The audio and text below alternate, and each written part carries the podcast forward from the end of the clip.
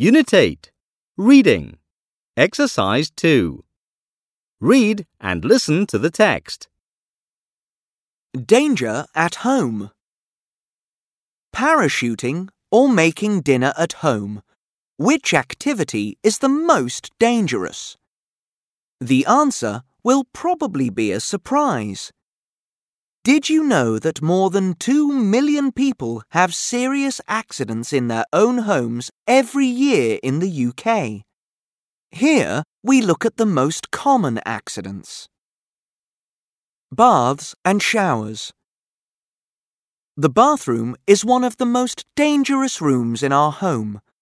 A lot of people slip in the shower or the bath, especially old people.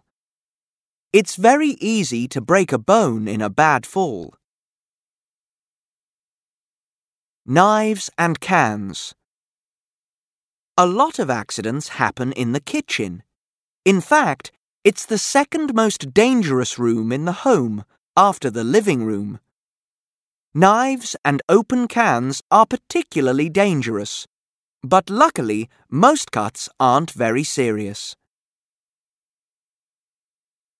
Doors. The greatest danger with doors is to your fingers. More than 40,000 people visit the hospital every year because they've trapped their fingers in a door. 5% of these people lose a finger.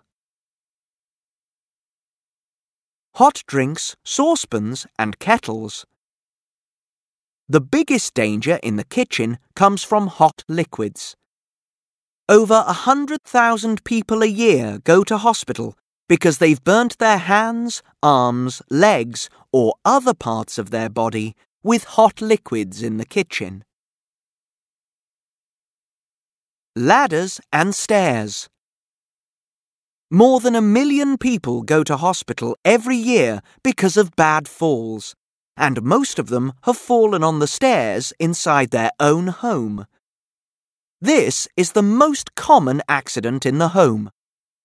Ladders, windows, and balconies are also very dangerous, so be careful.